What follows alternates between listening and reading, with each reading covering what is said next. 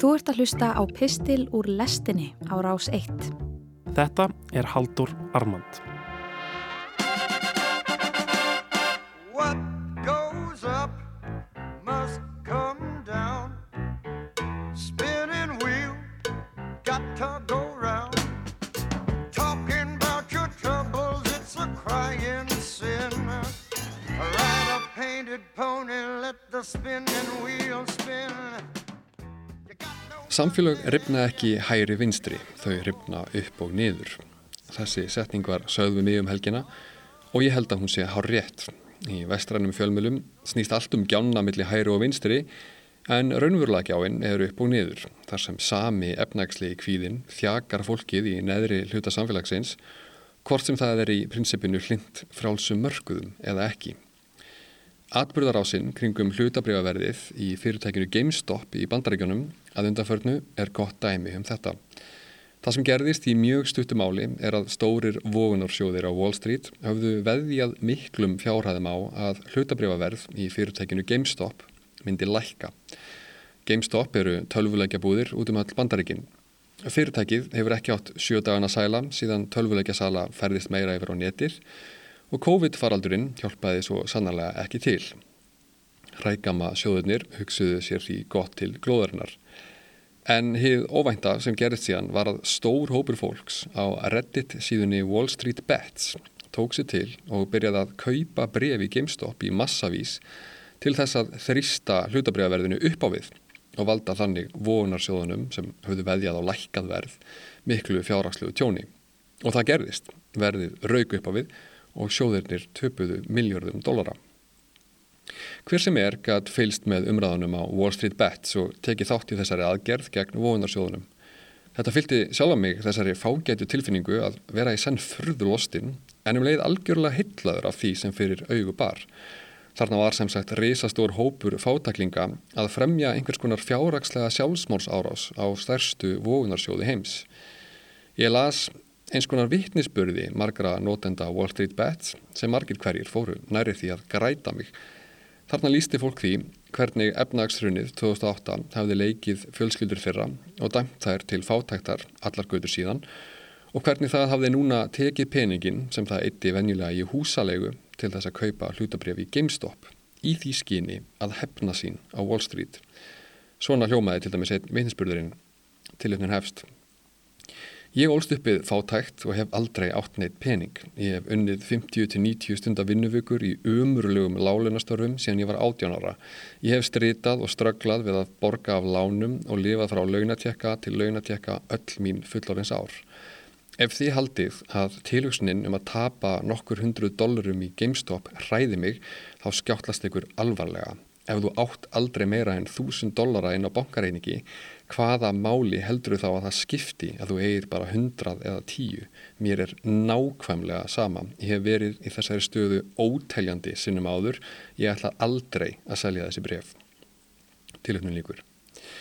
En það sem gerði þessa atbyrðarás svo ekstra indislega fyrir áhörunda eins og mig og um leið erfiða umfyllunar fyrir venjulega fjölmiðla sem eru svo vanir því að skipta öllu í hæru og vinstri er hversu óheflað málfarið og húmórin er inni á Wall Street Bets. Það fer ekki mikið fyrir pólitískum réttrúnaði þarna inni. Nótendunir hæðast linnulaust að sjálfum sér með alls konar orðum og marglaga vísunum sem eru þyrnir í augum síðapostula. Ímyndaði þér glímu Davíðs og Góliats nema hvaða Davíð er alltaf að segja eitthvað sem hann á ekki að segja í miðjum slagsmálunum og er með kolsvartan húmor sem þólir ekki dagsljósið. Þetta var upp og niður baróta, ekki hæri vinstri. Á Wall Street Bets eru bæði hæri og vinstri menn og það þarf ekki að lesa síðuna lengi til að sjá að samtakamátturinn þar er, er byggður á efnagslegum kvíða en ekki hefðbundum stjórnmálahumundum um vinstri og hæri. Eins og sá ágæti bladamæður Glenn Greenwald hefur réttilega bent á þá hæðast fjölmiðlar í bandaríkjunum sem og aðrar ráðandi stjettir sem eiga það sameigilegt að koma ár elitu háskólum jafnan að þeirri hugmynd að efnagslegur kvíði geti dreyið áfram eitthvað í líkingu við hæri populisma. Í þeirra heimsmynd eru einu raunverulegu kvatarnir að baki því að nokkur manneskja gerist segum þann ófyrirgevanlega glæp að kjósa einhvern eins og Trump rasismi, kvennhatur og annars konar mannfyrirlitning af sama toga. Jafnvel þótt reyndar hafi miljónir manna sem kusu Obama tvísvar krossað við appelsinugula helstyrnið árið 2016. Þess vegna eru stöðluðu viðbröðin gegn hverjum þeim sem dyrfist að víkja frá þeirra frjálslindu bókstafstrú eða storka þeirra svartkvítu heimsmynd að saka viðkomandi um kynþáttahatur, kvennhatur, homofóbíu, transfóbíu og svo framvegis án þess að færa fram raunveruleg sönnunargögn fyrir einu eða neinu. Nýjasta dæmi um þetta er ameríski fókbólta leikstjórnandin Tom Brady sem í fyrirnótt vann ofur skálina svo nefndu. Í liðinni viku var hann í fjölmjölum Vestanhafs sagaður um að vera kvítur forutmyndaseggur vegna þess að hann hefur ekki beðist afsökunar á því að kjósa Trump. Þessar 75 miljónir manna sem kusu skrimslið í november skulda auðvitað fjölmjölum og þjóðinni afsökunarbeginni. Það sér hver maður.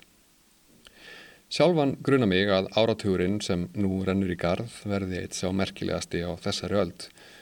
Nú er runnin í garð tími hinnar miklu enduræsingar sem gerist reglulega í mannkynnsögunni. Þetta er tímabil sem hófst líklega kringum efnaðsrunnið 2008 og mun halda áfram millir 2020 og 30.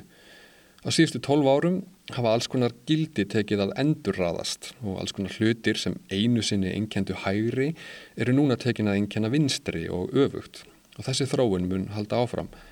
Gott dæmum þetta er þegar ég sá nýlega langa varnaræðu fyrir Julian Assange haldna á Fox News.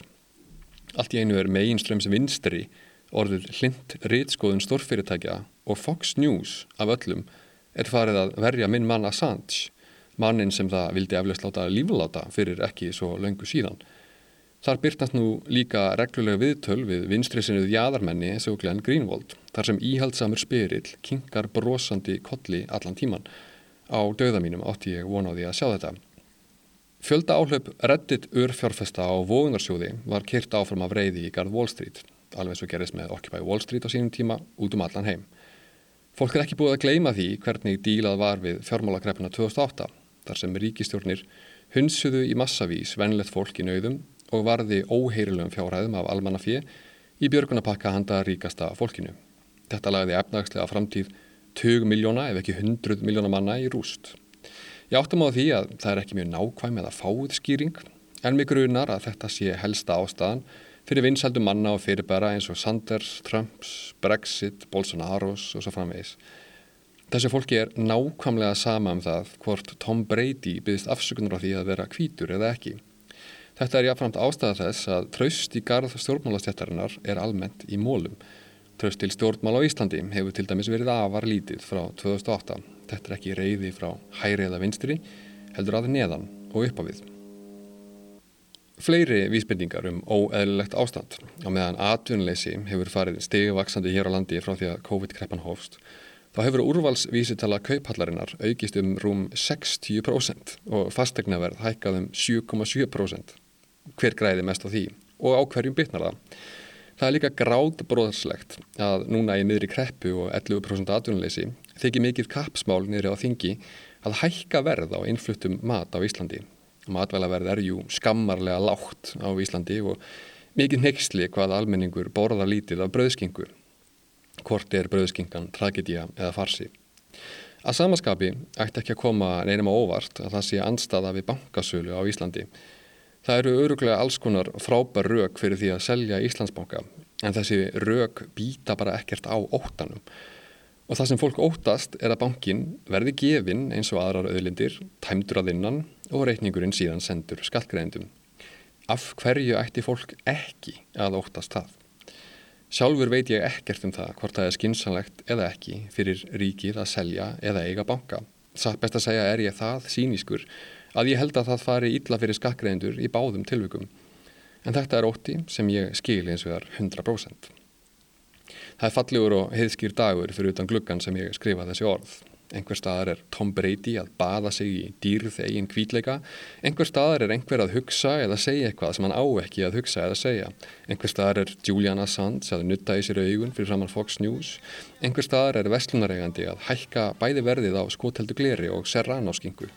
Dagurinn er skær eins og kristall og undir borðinu er tóið í dúkin upp og niður, upp og niður.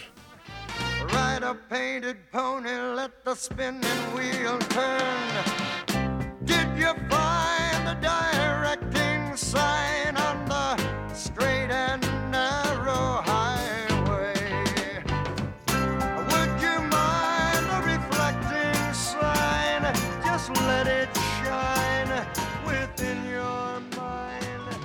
Ef þú fílaðir þennan pistil og vilt heyra meira, getur gerst áskrifandi að lestinni hér í hlaðvarpsappinu þínu. Rás 1 fyrir forveitna.